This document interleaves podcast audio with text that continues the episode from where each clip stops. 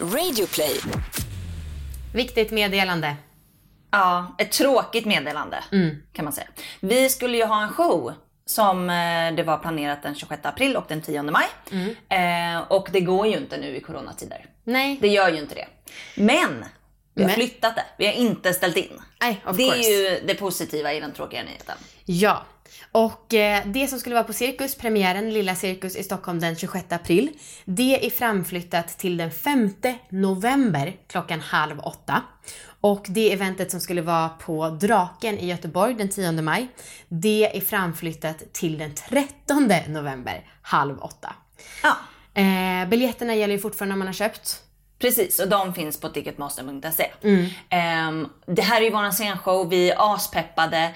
Det är lite tråkigt eh, att det här hände, att det blev framflyttat. Ja. Men samtidigt så ser vi det här som en chans att kunna göra något ännu större, ännu fetare, verkligen kunna peppa igång. Ja. Eh, för just nu så står ju tiden lite stilla. Ja, nu känns det ju helt sjukt att jobba med showen. Men Ja. vi vet ju att när vi väl jobbade med den så var det ju, vi bara wow, folk kommer dö för det här Ja. kommer vara så bra. Ja. Eh, är det någon som har frågor om det här så får ni höra av er till evelina.roa.se. Ja. Evelina.roa.se, inte till oss. Nej, det är våran producent, bara så ni Exakt. vet. Och hon har svar på alla frågor. Ja, cool tjej. Ja, Nu kör vi avsnitt. det gör vi.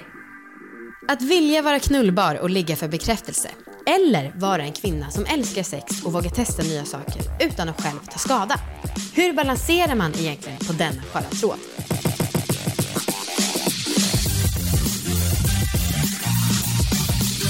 Hej allihopa och välkomna ska ni vara till succépodden Alla våra ligg! Hej! Hej, hej, hej. Det här är Anna Och det här är Amanda. och det här är en podd om sex, sexualitet och äga sina val. Oj, yes. Sluddrigt och snabbt.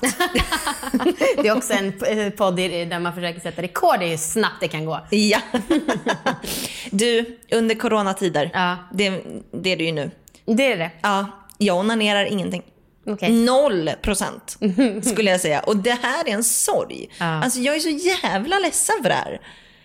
Och nu, nu är vi i mitt vardagsrum och spelar in och Marcus ligger i sovrummet eh, här bredvid och han hör nog. Eh, och jag hoppas att han efter inspelningen kanske han kan komma fram och bara du, jag kommer dra till ICA och vara borta 20 minuter. Det skulle vara trevligt. Men jag, nej fan det är ingen. Inget Nej. onani. Jag Hur vet. gör du Amanda? Eh, jo men Viktor har ju faktiskt varit hemma förra veckan. Han jobbar vanligtvis som vanligt. Men han var, hade lite förkylningssymptom så då stannade han hemma. Ja. Och eh, då så gjorde jag mina äggövningar, alltså Johnny äggövningarna. Och först så gjorde jag det ståendes inne i badrummet och låste in mig själv. Men sen fick jag feeling och så ville jag göra det liggandes och vara i sängen. Och som alla vet vid det här laget så har ju inte jag ett sovrum med en dörr. Alltså det är ett rum men det är liksom en hel öppning in till vardagsrummet. Jag älskar att alla poddlyssnare vet om det här. Ja men det säger jag ju varje gång när jag ska förklara läget liksom. Ja. Eh, så då så bad jag Viktor flytta på sig och han la sig i soffan så han var typ tre meter framför mig. Och sen så eftersom att jag nu också börjar bli kåt när jag håller på med ägget Ja. så var jag så här, mm, det vore väldigt härligt med orgasm. Och det är ju insyn från soffan till så. Ja men han låg ju med huvudet framåt. Liksom. Ah, okej. Mm. Vi låg båda åt samma riktning. Okej. Ehm, ja, och då så tänkte jag så här, han ligger där och kollar på någon jävla recap av någon fotbollsgrej som han gör nu när det inte finns nutida fotboll. Ja. Eh, då tänkte jag, ja men vad fan, jag kan nog göra det här lite tyst. Så då gjorde jag det.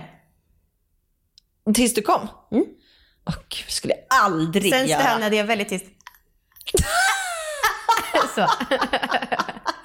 eh, ja, nej men det är väldigt... Men jag, om jag känner dig rätt så sa du det här till Viktor efter. Nej, jag har faktiskt inte, Inte? sagt det, men det känns som att han ändå alltså, vet om det. Han sa ju själv i podden att jag brukar slentrian komma. Så att, ehm, ja. Ja. Men du har inte kommit på honom att han onanerar något? Nej, för jag tror inte han gör det. Nej. Ja, Det är fan omöjligt! Ja. Ja, Jag förstår, och jag förstår, jag tycker nog att din inställning till det hela är kanske lite mer vanlig än min. det tror jag absolut. Mm. Nej, jag, jag är ledsen över det här. Ja, jag beklagar sorgen. Mm. Tack. Eh, Tack. Och beklagar ännu mer alla andra sorger som har mer real stuff.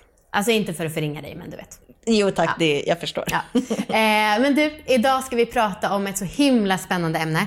Eh, lite det här med att ligga för bekräftelse, vara knullbar, ligga för sin egen skull, ligga för någon annans skull, äga sina val. Mm. Ja. Och vi ska göra det med en kvinna som heter Sofia Rönnow-Pessa. Mm. Och hon har skrivit en av de bästa böckerna som vi har läst. Ja. Männen i mitt liv heter den. Ja. Alltså helt sjukt, varenda jävla sida var liksom igenkänning på så hög nivå. Ja, och den är kanske lite grövre än vad mina upplevelser har varit. Men det var ändå så, varenda sida hade någonting jag kände igen mig i. Eh, och bara, fy fan som man har haft det. Ja men det är verkligen, ja gud. Jag ska läsa lite så att ni liksom fattar vad vi snackar om. Vi pratar vidare. Jag tar upp metoo och frågar om han har påverkats av alla upprop. Han säger att han precis som de flesta män fått sig en rejäl tankeställare. Jag frågar om han har bett till ursäkt till någon och han svarar att han inte tror att han har gjort något som han behöver be om ursäkt för. Några timmar senare står han med kuken nedtryckt i min hals. Samtidigt som han håller ett grepp om min strupe och jag undrar vilka situationer han tänkt på som han insett inte var helt okej. Han har ett uttryckslöst ansikte när han knullar. Som så många män. Helt omöjligt att läsa av om han njuter eller inte. Jag lägger halva energin på att försöka klura ut om han är uttråkad eller tillfredsställd.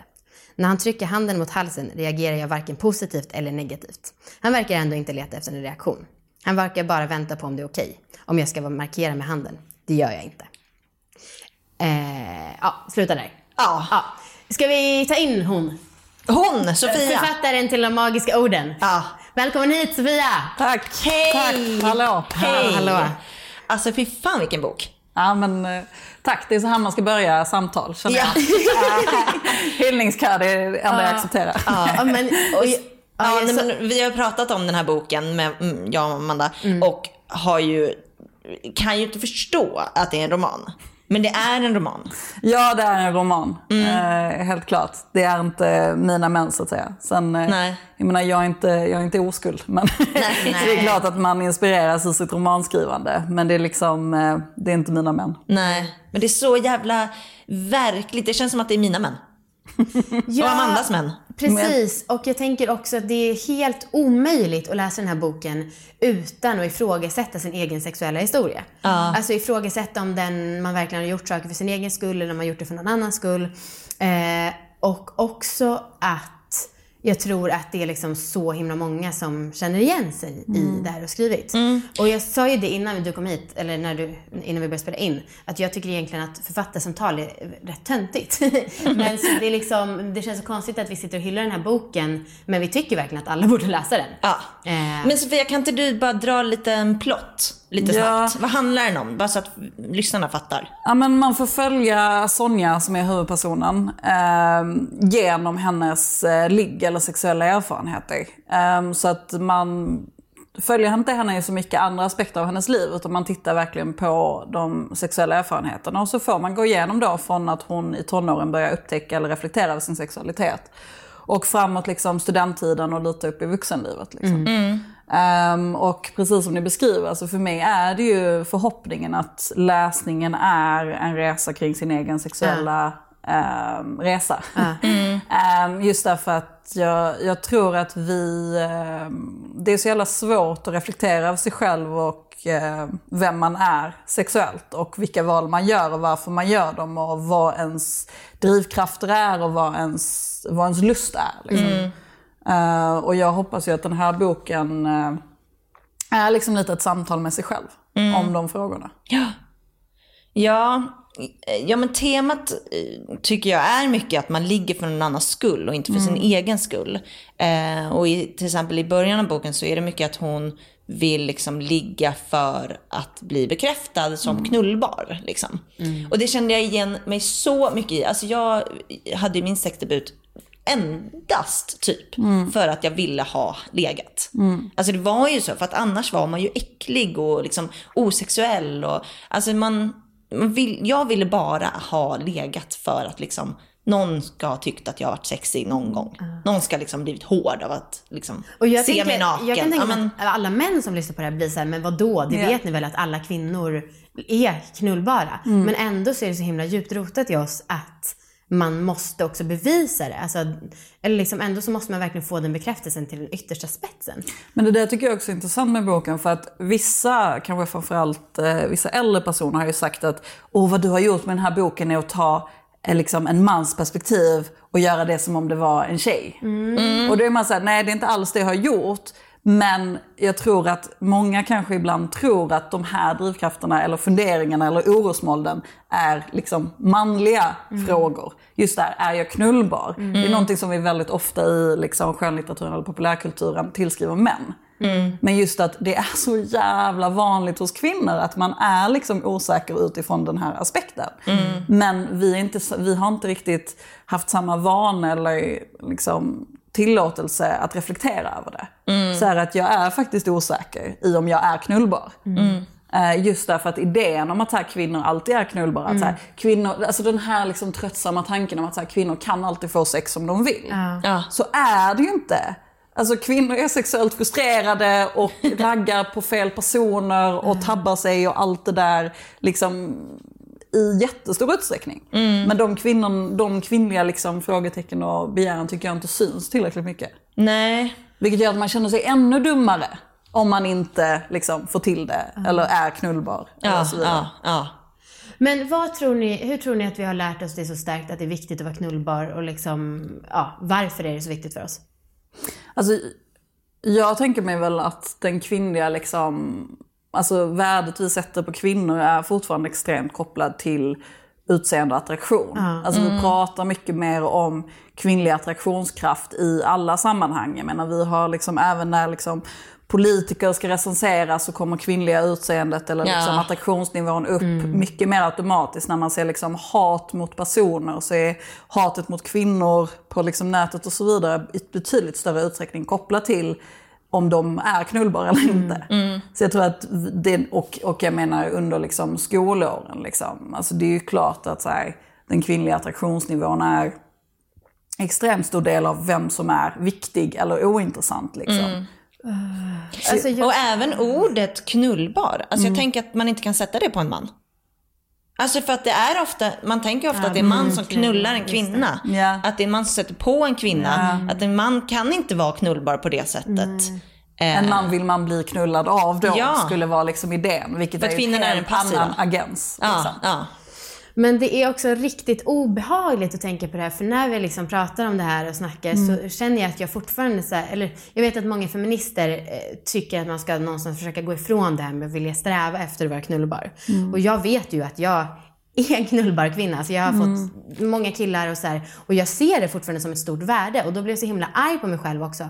Och liksom skäms för att jag tycker att det är fult någonstans. Ehm, men samtidigt så kan jag inte tänka mig att jag skulle kunna släppa på den självbilden, att det skulle vara någonting som gör mig till den jag är. Att det är liksom en viktig del av mig. Om jag skulle bara ta en detox från att försöka vara knullbar i allmänhet. Alltså, jag vet inte hur det skulle gå till. Men det finns väl en skillnad där, för jag tänker, vi har ju snackat lite om den här kursen vi gör och att det är så här, ehm, vi går en vaginal kung fu-kurs Ja, ja. och att man då, det ska göra att man har mer sexuell aura liksom. Och där tänker jag på dig Amanda, att du har sagt att du vill ha mer sexuell aura. Eh, och att liksom på något sätt att det går att koppla till att vara knullbar. Men det där är ju för din egen skull. Jo. Att vara knullbar tänker jag är mycket för att så här, jag vill ha en mans bekräftelse. Ja, liksom. jo, det men- finns väl någon slags skillnad där, även fast den är lite snårig. Men jag strävar efter båda. Alltså jag skulle säga att så här, jag tror inte heller det, det nödvändigtvis behöver vara en feministisk tanke att, så här, att, att knullbarhet i alla lägen, om man ska säga, är problematiskt. Alltså så här, att vi vill vara attraktiva är ju i grunden en rimlig liksom, Strävan. strävan liksom, i att, alltså jag menar, vi sexuella varelser, fine liksom. Men frågan är ju, tycker jag, att vi bör titta på liksom, var är knullbarheten aktuell för vårt värde och identitet? Liksom, Och hur stor del av den är det? Och sen så är det ju också så att när vi pratar om att vara knullbar så blir det ju oftast att det finns extremt mycket idéer kring vad som utgör knullbarhet. Då är det ju så att man eftersträvar vissa specifika ideal som vi ser som knullbara. Som kanske inte är nödvändigtvis kopplade till vad vi själva hade tyckt var sexuellt eller attraktivt eller fritt. Liksom. Liksom. Och det är där det blir liksom problematiskt skulle jag säga. Ehm, att vi strävar efter att vara då kanske normativt knullbara i alla situationer av vårt liv. Därför att det också är väldigt avslappnande och skönt att vara knullbar även när det kanske skulle vara rimligt att inte fokusera på den aspekten. Ja. Jag tror absolut inte man ska gå in i det här med tanken på att liksom så här, jag bör skämmas om jag vill vara attraktiv. Nej. Alltså det är inte det som är grundpoängen. Men grundpoängen är kanske att hur viktigt är det att du ska vara attraktiv för vilka delar av ditt liv. Liksom. Ja. Ja. Ja, för att jag tycker... Det är, ju, det är ju svårt, man baserar sig så himla mycket på yta. Ehm, jag vet inte. Jag, jag tror att jag har kanske varit mycket så att jag velat vara knullbar i liksom, min så här, tidiga 20 års ålder. Då var det nog mycket så. Eller kanske typ från ja, 16 till 23, 24 typ. Men att man, jag förhoppningsvis tror att jag har börjat gå lite mer att jag vill att folk ska tycka att jag är smart och trevlig och glad och Men jag härlig. tänker typ. att det inte bara har med yta att göra. Alltså I boken så skriver du ofta så om situationer där personen flörtar med folk. Mm. Och att man gör det här på det här retsamma sättet där man liksom dissar varandra. Att, alltså, att det är så mycket mer än bara yta som har att göra med knullbarhet. Det är sant, att man ska vara lite spännande. Ja. Lite sexig Exakt. liksom. Mm. Alltså jag hade en kompis för några år sedan som, det var så jävla speciell situation, jag tror inte jag har sagt det i podden. Men vi, ehm, han hade tjej och var väldigt trygg och liksom trygg relation. Men vi hade, en rela- vi hade en kompisrelation där jag kom hem till honom för att prata om mina ligg. Eh, och alltså nu, det, då tyckte jag att det var kul. Han var superintresserad av att lyssna på det. Eh, men nu i efterhand så har jag ju insett att liksom han, alltså det var så jävla märkligt och jag gjorde det ju typ lite för att vara knullbar i hans ögon. Ja, just det. Eh, att jag liksom berättar om att så här, alla de här killarna har velat ha mig. Mm. Och de gjorde så här och han ville höra alla detaljer, liksom, hur de tog mig. Och så typ. en liten förhoppning kanske om att han var lite småkåt när du gick därifrån. Absolut, vilket han nog var. Alltså Mm. Ja, det var ju klart. en extremt konstig relation. Ehm, och så här, jag gillade honom men det var så jävla märkligt och jag gick därifrån och bara, ja han har typ inte sagt ett enda ord. Alltså jag har berättat om mina ligg. Alltså det var så jävla... Ja, Det han är var ju liksom liksom... en litterär KK-relation. Ja men typ, en förpodd kan man säga. Nu är den stora färgfesten i full gång hos Nordsjö Idé och Design. Du får 30 rabatt på all färg och olja från Nordsjö. Vad du än har på gång där hemma så hjälper vi dig att förverkliga ditt projekt. Välkommen in till din lokala butik.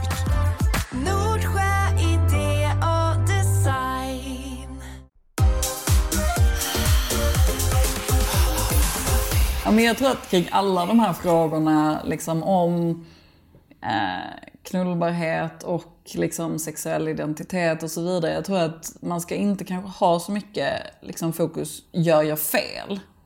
Utan mer, far jag illa?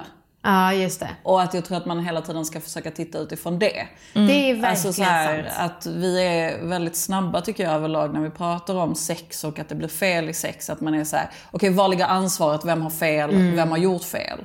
Och det är därför jag tycker att det passar ganska bra med en skönlitterär bok för just den här typen av ämnen. Eller att prata i en podd eller liknande och kanske inte ha liksom, debattartiklar eller alltid lagstiftning och sådär. Just för att det är liksom mycket gråzoner och mycket svåra situationer där det är inte så enkelt att säga du gör fel exakt här. Det här är brytpunkten, det här är det fel.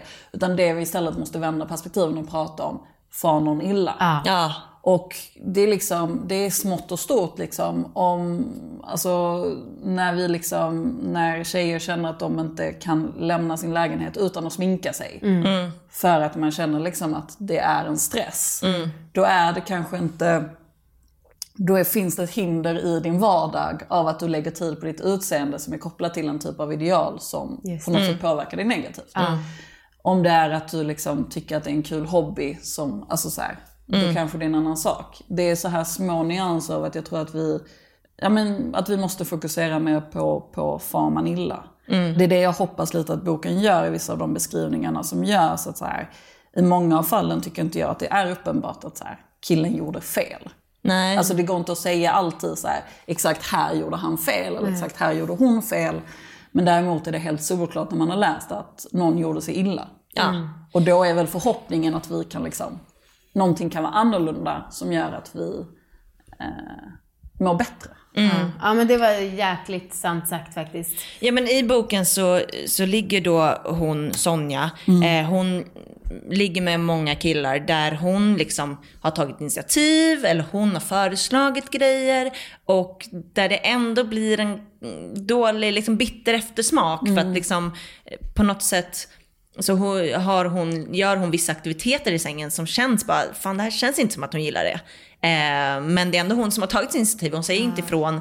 Ehm, och det blir ju svårt för killen då att veta att så här, vill hon inte det här eller vill hon inte? Ehm, vi tänkte på det, eh, alltså jag vet inte hur många gånger jag har liksom sagt att jag vill bli smiskad. Eh, och att jag vill bli dragen i håret, i hästsvansen.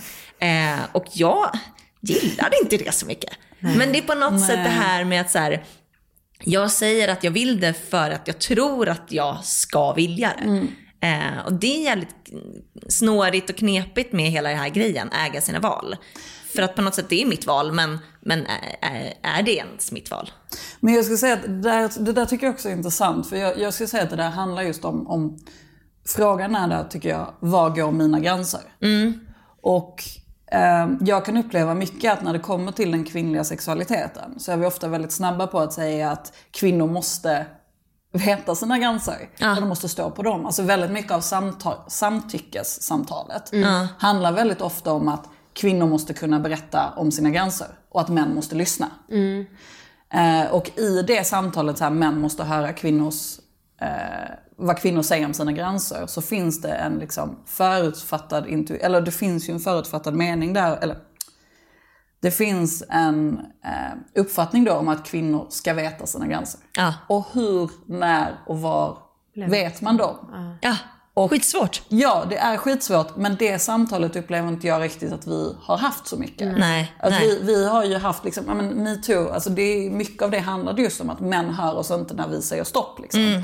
Men, men frågan är så här, hur vet vi när vi ska säga stopp? Och jag tror, hur vet man om man inte gillar att dra sig i håret? Jo, då kanske, om man tycker att det verkar intressant, så måste man ju någon gång Testa. kanske bli dragen i håret. Ja, absolut. Men om du har bett om det då, kommer du då känna så här, det är okej för mig att inte vilja det här igen? Eller nu har jag ju ändå bett honom, då kan jag kanske inte be honom att sluta. Alltså vi har ju så lagt upp idén om att så här, kvinnor har så extremt hårt ansvar på sig. Ja. Att så här, bara känna till sina gränser. Ja, och också så här om jag, för, för min del så har jag liksom velat bli smiskad på rumpan och vissa gånger har det varit trevligt men vissa gång- gånger har det varit alldeles för hårt och då har jag på något sätt ändå velat vara en sån som vill bli smiskad Ja. på rumpan. Så att jag har fortsatt ändå, även om jag har legat med olika killar. Eh, så jag har alltid liksom ja, men föreslagit det. Så även om det har varit mitt val så har det ju, jag har gjort det för en bild av hur jag ska vara. Men jag tycker också, jo men precis, men jag, jag tror att det där är också en jättesvår fråga när det kommer till liksom, att gilla sex som kvinna. Att om du gillar sex som kvinna så är det väldigt lätt att vilja vara den totalt frigjorda kvinnan. Ja. Att vara den som bara älskar allt liksom. Ja. För att man vill ju inte, alltså man, det är ju en extremt hämmande roll att vara liksom den kyska kvinnan som låter en man ha sex med en. Liksom. Det är ju en liksom, extremt tråkig syn på sex, det är en extremt tråkig syn på kvinnlig kåthet. Och då är det ganska lätt tror jag att falla i den andra kategorin. Alltså det är ju, vi snackar horan och madonnan. Som Ja, ni väl också pratar om i er bok. Liksom. men, men just det här att då faller man i det. Liksom. Ja. Helt plötsligt ska man då vara horan.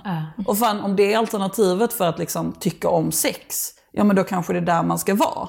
Men så helt plötsligt så fastnar man ju i en annan typ av gränser. Och man, ham- man hamnar, fastnar i en annan typ av förutfattade meningar. Som man då också kan bli lite fången i. Som Sonja blir. Hon, hon, min uppfattning är att Sonja gillar sex och hade män varit schysstare i den här boken så tror jag att hon hade haft jävligt mycket roligare ligg. Ja. Ehm, Men det som händer är mycket att hon fastnar lite i idén av att hon måste vara den som vill bli smiskad och som aldrig kommer säga någonting om hur hårt det är. Nej. Hon kommer liksom inte säga till för att hon är någon som gillar sex och därmed är hon någon som gillar allt. Veckans sexläxa. V- Veckans sexläxa presenteras i samarbete med Marcus Njutning. Oj! Vad kostar den? Om jag får fråga. Den är ganska billig. Ja. Det som krävdes... Har du någon rabattkod?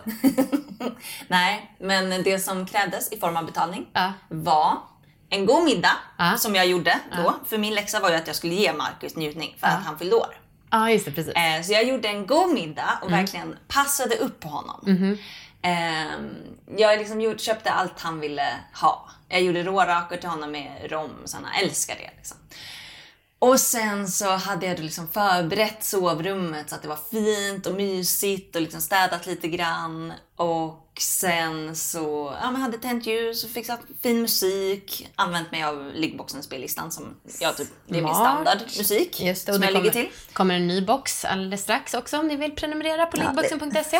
Lite snabb reklam där. Ja. Eh, nej men och sen så eh, så jag åt honom, men lägg dig ner och så liksom masserade jag lite, fast han gillar ju inte massage, så att det var lite mer stora rörelser. Ah. Ja. Och gav honom ett bra runk. Ja, oj. För det är ju det jag kan. Det är så jävla kul att du har verkligen vänt så Alltså från att vara så himla osäker i runkande Ja. till att bara, jag är på riktigt bäst. Jag trodde att det var bara en fas. Nej. Men det har ju hållit i sig ett år nu. Ja, jag vet. Alltså, det, det, och det är något jag verkligen uppskattar. Ja, vad Alltså, kul. jag älskar att runka, för att jag blir så tänd på det också. Men vad är dina bästa tips då? Hur gör du? Ja, men, det här jag ju sagt Amanda, men jag kan säga det en gång till. Förlåt att jag inte kommer ihåg exakt vad hon sa för 15 månader sedan. Mitt allra, allra, allra bästa tips. Mm. Som Marcus blir tokig av. Och det krävs så himla lite med Marcus. Mm. Han, ja, det här tipset, det är det enda som krävs. Det är att jag drar... Jag tänk, tänk dig att du mjölkar en ko. Mm. Fast Jag, Uppåt. fast jag, kuken är ju liksom under, så jag börjar uppifrån i luften. Ja. Och sen så drar jag ner handen Ja. över kuken så att jag drar ner förhuden. Och så tar jag den andra handen, gör samma sak och så har jag jättemycket glid. Och så gör jag det i rörelse. Så dra ner, dra ner, dra ner, dra ner.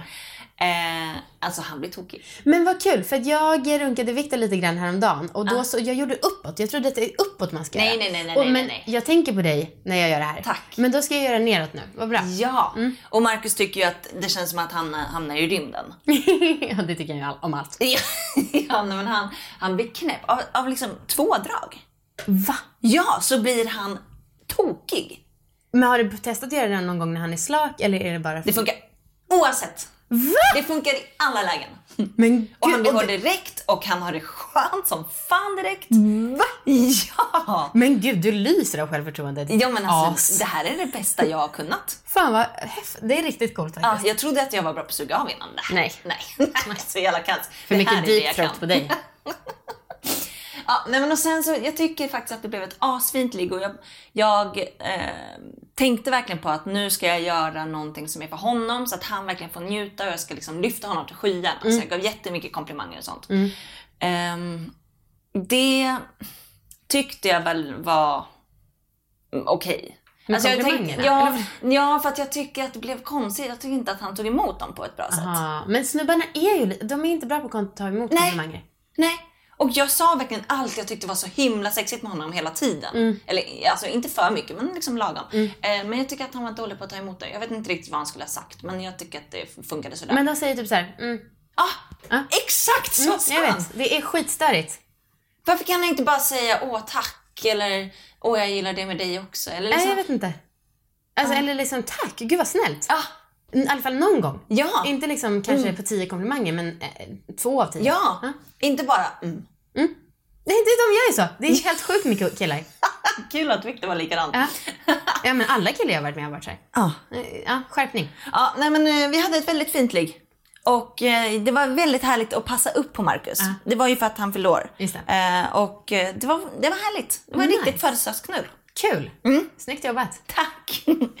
eh, nu ska du få en utmaning. Ja, som en läxa vanligt. till nästa vecka. Mm. Du sa ju förra veckan att du skulle ge mig en, en, ett uppdrag för att testa min styrka. Ja. Ja, men jag, vill faktiskt ge det till dig istället. Okej. Jag vill att du ska testa din styrka. Ja. För att nu, det känns som att du halvskryter dig igenom den här kursen vi går. Mhm. Eh, Vaginal Kung Fu. Det, det känns som att du halvskryter dig igenom den för mig. Ja, är det och ju. jag blir provocerad. Eh, för att jag tycker inte jag märker lika stora resultat. Eh, så att jag skulle vilja se Gud på vilken... papper hur stark du är. Ja, jag fattar. Och då kan man ju göra så, då har jag så det här Johnny-ägget i mig och så har jag tråden runt och så knyter jag fast någonting där.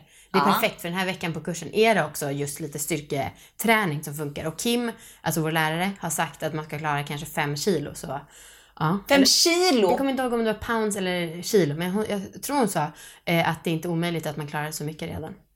Mm. Men det som, vet du, ehm, det var väldigt kul uttryckt, skryter dig igenom kursen, för det är exakt det jag gör. Ja, jag vet. Eh, men också att ehm, det är så himla störigt för att om jag gör den här grejen, då kan jag tänka mig att du kommer gå hem och också testa. Så kommer inte du säga till mig, så kommer du i hemlighet gå runt och veta om du är starkare eller svagare än mig. Och det stör mig så jävla mycket. Så jag är, Ja, exakt så kommer jag göra. jag är också jättearg Anna. Du kanske får ge mig en sexläxa senare som är samma sak. Men du kommer bara säga nej. Jag du kommer vet. säga att det är över din gräns. Jag vet. Ja, ja, men jag återkommer med uppdatering nästa vecka. Mm, tack. Tack. Ja, men du, ni snackar lite om det här med gränser och så. Och det är ju som sagt, hur fan lär man sig det? För att också om det är, om män är elaka eller inte i vissa situationer. Alltså för det, då måste man ju också ha en väldigt till, eh, pålitlig partner. Eh, alltså om man nu ligger med män. Och hur hittar man det bland äckliga tonårskillar? Men, jag, alltså det, där, men alltså det, det alltså jag tycker att det finns så mycket i det. För att jag tror inte det är bara så här eh, äckliga eller inte äckliga män. Jag tror det handlar så jävla mycket om kommunikation. Och att när man är i den situationen har snubbarna ingen aning om hur de ska se sin partner. Och de har inte ens insett att det där är en relevant del av sex. Alltså jag tänker att tonåringar som lär sig om sex läser ju inte om så här, så här lyssnar du in signaler. Utan antingen är det så här, så här är du bra liksom, i sängen. Liksom. Och jag tänker mig att, nej gränssättning, jag tror att det, det är liksom jag tror till viss del att man måste, både män och kvinnor måste acceptera att så här, det kan gå fel i sängen. Ja. Ja. För jag tror att det är en grej som gör att vi inte liksom får konversationen på rätt eh, plats. För att män är så livrädda av tanken på att de skulle kunna göra fel i sängen. För att den idén om sig själv som någon som har gjort fel, som har gått över någons gränser. Det är ju, liksom, det är ju vår bild av liksom någonstans den vidrigaste mannen i samhället. Alltså våldtäktsmannen. det är ju liksom den ondaste versionen. Det är väl liksom pedofiler, sen är det liksom våldtäktsmän. Eh, och jag förstår att det är så extremt obehagligt att så här ens snudda vid den idén. Att så här, jag skulle aldrig gå över en gräns. Liksom. Jag, Allting är alltid liksom 100% consensual. Jag är samtyckeskille. Liksom. Ja. Samtyckeskille. Eh, samtidigt som att det är ju inte sant. Nej. Alltså vi alla, alltså även män som så att säga inte är våldtäktsmän har mycket möjlighet att gå över gränser, precis som Sonja i boken ibland går över mäns gränser. Ja. Och, och liksom så här, alltså jag menar vi, sex är liksom ett samtal där vi är extremt sårbara. Och umgås med människor som vi i vissa fall har känt i en timme. Liksom. Ja. I de situationerna så kommer gränsdragningar vara svåra att göra. Och det kan bli fel. Och jag tror att både män och kvinnor måste liksom acceptera att det kan bli fel. Och om man lever med den insikten och förstår det, så tror jag också att samtalet och möjligheten att lyssna in varandra skulle bli lite större. För att man skulle inte vara så förnekande kring att så här, oj det här kändes inte bra för dig. Det innebär inte att jag är ond och du är ett offer.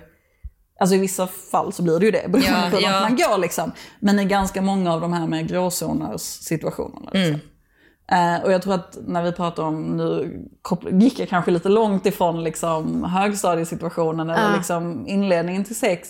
Men jag tror att liksom, så, som, som, jag vet inte, det finns inget bra svar för vad man som ung tjej ska göra. Nej. Och ung kille också. Eller ung jag kille. Alltså, de ung kille sig tror jag har- också gräns, säkert går över sina gränser hur mycket som helst med så här, Mm. ja, kanske, fan ens kolla porr kanske är något som inte är... Ja, men för, grejen att gränser är ju inget absolut. Alltså det är något som liksom kan flytande. förflyttas hur mycket som helst. Eh, och man kan någon dag gilla att bli smiskad, någon dag inte gilla att bli smiskad. Så är det ju liksom. Och det Och kan beroende vara... på vem man är med. Ja, precis. Och en viss hårdhet. Och ibland så är det jättehärligt, ibland är det inte härligt. Så det är jätte... Det är ju omöjligt att liksom... Egentligen, jag tror att det är ganska omöjligt att sätta en gräns som kommer att hålla för all framtid. Men jag, Alltså det kommer inte gå. Precis, men jag tänker om vi går tillbaka till just hur man ska und... Alltså, jag tror att om man som tjej också, som ung tjej förstår att sådana här upplevelser inte är okej och ingenting du ska behöva förutsätta eller liksom acceptera. Så tror jag också förhoppningsvis kanske att unga tjejer då kanske kan i större mån välja bort snubbar som beter sig på ett visst sätt. För jag tror också att det som jag har märkt med liksom läsarreaktionerna på den här boken är att väldigt många känner igen sig i lite eller jättemycket. Liksom. Ja. Och det tycker jag säger också någonting om vad vi kvinnor accepterar Ja. att vara med om. Att vi verkar då ändå vara ganska accepterande kring att sex ganska ofta kan vara kopplat med extremt obehag. Eh, och om vi tycker att det är normalt och inget förändras i hur vi pratar om sex så kommer unga kvinnor, kvinnor fortsätta växa upp med den idén om att här, det är så vi förhåller oss till sex. Att ibland så är sex någonting som är att stå ut. Men jag kan inte låta bli att tänka så att det är lätt att se på det här som att det är männens ansvar att lyssna in och liksom lära sig. Ehm, men när jag läste boken så tycker jag inte så mycket att det kändes som att männen var förövare på något sätt. Alltså det är de väl till viss del, men, men det är ju det måste också, de är säkert också påverkade av liksom den här mallen om hur man ska ha sex. Eh, och att säga jag ska nog trycka ner min kuk i halsen, det ingår. Eh, och jag kanske inte gillar det heller och det gör ju säkert inte lika mycket ont på männen som det gör på kvinnor. Men, men oavsett att alla är på något sätt påverkade av det här med att så här, så här ska sex vara. Och nu, om, vi, om vi nu har kommit överens om att vi ska ha sex, då ska vi förmodligen ha sex på det här sättet också. Ehm, och jag tror att det, det kan också bli svårt även för män att veta så här, men hur, hur ska vi... Ja, men det är klart det är skitsvårt. Och jag tror också att vi måste liksom, nej men det är igen liksom vilken syn vi har på vad det innebär att ligga med varandra. Liksom. Det är ju så här att vi, vi har den här förutfattade, kvinnan ska liksom hålla, alltså vara otillgänglig eller hora eller madonna eller whatever. Och mannen är ju, det är ju fortfarande så, mannen är alltid kåt, vill alltid, vill alltid ha så typ grovt och galet sex Ja. som möjligt. Och att så här, det är ju inte jätteofta man ser liksom killar som gillar, vad ska man, alltså så här, tråkigt sex porträtteras. Utan killar ska får de chansen är det klart att de ska vilja köra. Alltså, Ja, det, är ju hela, det är ju idén av liksom vem mannen är som sexualvarelse. Ja. Vilket ju också är totalt skitsnack. Ja. Alltså, killar gillar olika, liksom de med. Ja. Men det är klart att om man står då framför en situation där man uppfattar att en kvinna vill att man ska vara dominant. Vad, vad ska man då hitta inspiration om man inte själv kanske tycker att det är så inspirerande? Ja, men då kanske man försöker vara dominant så som man tänker att, att vara dominant är. Liksom. Och jag, jag tror att det är ju, man måste liksom, och då är, är då drivkraften för, för snubben liksom att jag ska vara så sexuellt potent som möjligt. Liksom. Om det är liksom idén med vad syftet med sexet är, Ja. då är ju kanske större sannolikhet att man går över någon gräns. Ja. Om syftet är att försöka hitta var trivs vi ihop liksom, och vad vill den här personen och känns det här bra för mig eller känns det bra för henne? Då kanske man kan komma lite närmare trivsamt sex. Ja. ja men det är, alltså, det är ju helt sjukt att man så ofta har legat med folk som har känt en timme. Alltså, eller knappt känt. Eller liksom, och båda är Men man fulla. känner ju inte dem. Nej, Alltså, alltså, det är ju helt alltså, så sjukt här- egentligen att det ja, är så. men jag tycker att det där just att så här, sex är så mycket kommunikation. Ja. Och så här, samma kommunikation som du har när du står vid där baren och bjuder varandra på shots.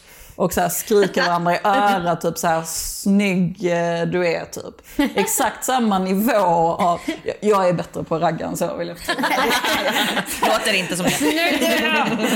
Eh, nej men jag bara menar att exakt samma nivå av kvalitativ kommunikation har man ju sen med den personen sen när man har gått hem ihop. Ja.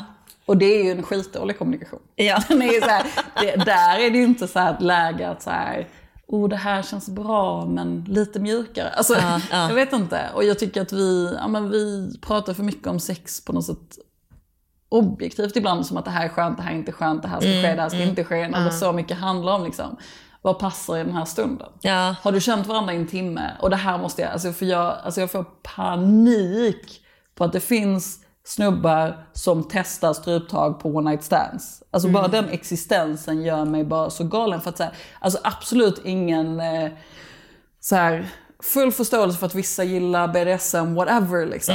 Fine liksom, kör hårt om man tycker det är kul. Men alltså att man tror att man har den kvalitativa kommunikationen att testa att ta struptag på någon om man har känt varandra i typ en timme. Och vad den utsattheten det ändå är. Att befinna sig ensam med någon i liksom deras hem typ. Alltså det gör mig helt galen. Och det, det är någonting där som jag tycker är så otroligt tydligt liksom i att man inte fattar vad sex är i relation till kommunikation. Ja. Det är något så uppenbart som har gått fel där. Men får jag byta ämne? Ja. Ja. Eh, för att ett stycke i boken handlar om när Sonja då har satt in kopparspiral och att det strular till det lite med fittan eh, och att pojkvännen får liksom, eh, trådarna från spiralen på kuken, det gör ont och han liksom lämnar ligget och vill inte. Och då står det så här, jag känner mig hjälplös. En dålig flickvän som inte kunde leverera en okomplicerad knullbar fitta. Och den här meningen eh, tänkte jag rätt mycket på för att jag vet ju att många tycker att ligg är så lite för okomplicerat. Och eh, jag kan verkligen förstå det för att vi har ju valt att ha en positiv syn till sex. Men då är det här igen för att jag skulle gärna ta upp mer mörka grejer. Men dels så får vi färre lyssningar de avsnitten när vi har lite mer allvarliga grejer. Eh, och sen Ingen också kommer så- att lyssna på det här. Nej, att jag tycker inte det här är så mörkt. Alltså, men och sen är det också det att det verkligen blir så då för ett andra perspektivet om man skulle prata om det. Alltså då känns det som att man direkt hamnar i offerpositionen. Alltså för jag vet att din bok har ju fått jättemycket så, eller jättemycket, det jag har sett i alla fall, att det är så här, folk säger oj det här är så mörkt, det är så ensamt. Ja. Att genast blir den delen Ja. av det hela. Alltså det är som du säger, det är liksom så himla eh, enkelspårigt med hur man kan prata om sex och hur det uppfattas. Men för mig var det jätteviktigt att inte skriva en roman där kvinnan är offret och mannen är förövaren och det är den bilden vi ska dela upp liksom om sex. Jag tycker oftast att så här, kvinnlig sexualitet så lätt i, i litteraturen ibland kan bli den här liksom späda stackars kvinnan som Ja. utsätts för övergrepp och den här onda mannen som bara gör saker. Och så, så ser det ju inte ut. Nej, och det målar ju också upp en bild av att det finns en typisk våldtäktman Ja. som ser ut på ett visst sätt, som Ja. lurar i buskar liksom. Ja men så är det ju. Och, och, men men det, alltså det du säger är ju också så här, det, det är ju, vi behöver ju ha positiva samtal om att sex är kul och bra och så vidare. För att jag, det är ju, tycker att vi fortfarande ser så jävla mycket skammande om kvinnor bara som vill ha sex och så vidare. Och jag menar, alltså, så många har skrivit om det. Alltså nu har ju den här boken ändå blivit lite uppmärksammad vilket blir att folk läser den och vissa gillar den och vissa tycker att den är eh, gillar den inte alls. Och en sak som liksom kritiseras är att folk tycker att eh, Sonja bara borde skärpa sig och att hon borde bara liksom ta sig samman och, och, och sluta göra så här mot sig själv. Och att samtalet handlar jättemycket om att så här, Sonja gör övergrepp mot sig själv och att det är det sorgligaste de läst och så vidare. Och då kan jag känna lite så här, ja men... Eh, fan, nu- förlåt. Tappar jag bort mig lite. Ja men det är jävligt svårt också att säga att man gör övergrepp mot sig själv. Alltså det är precis som att folk skulle bli, bli liksom eh, asupprörda över att man röker. Ja, men, Ja, jag, du men gör alltså det här att du- övergrepp mot dig själv, du kommer att dö av det här.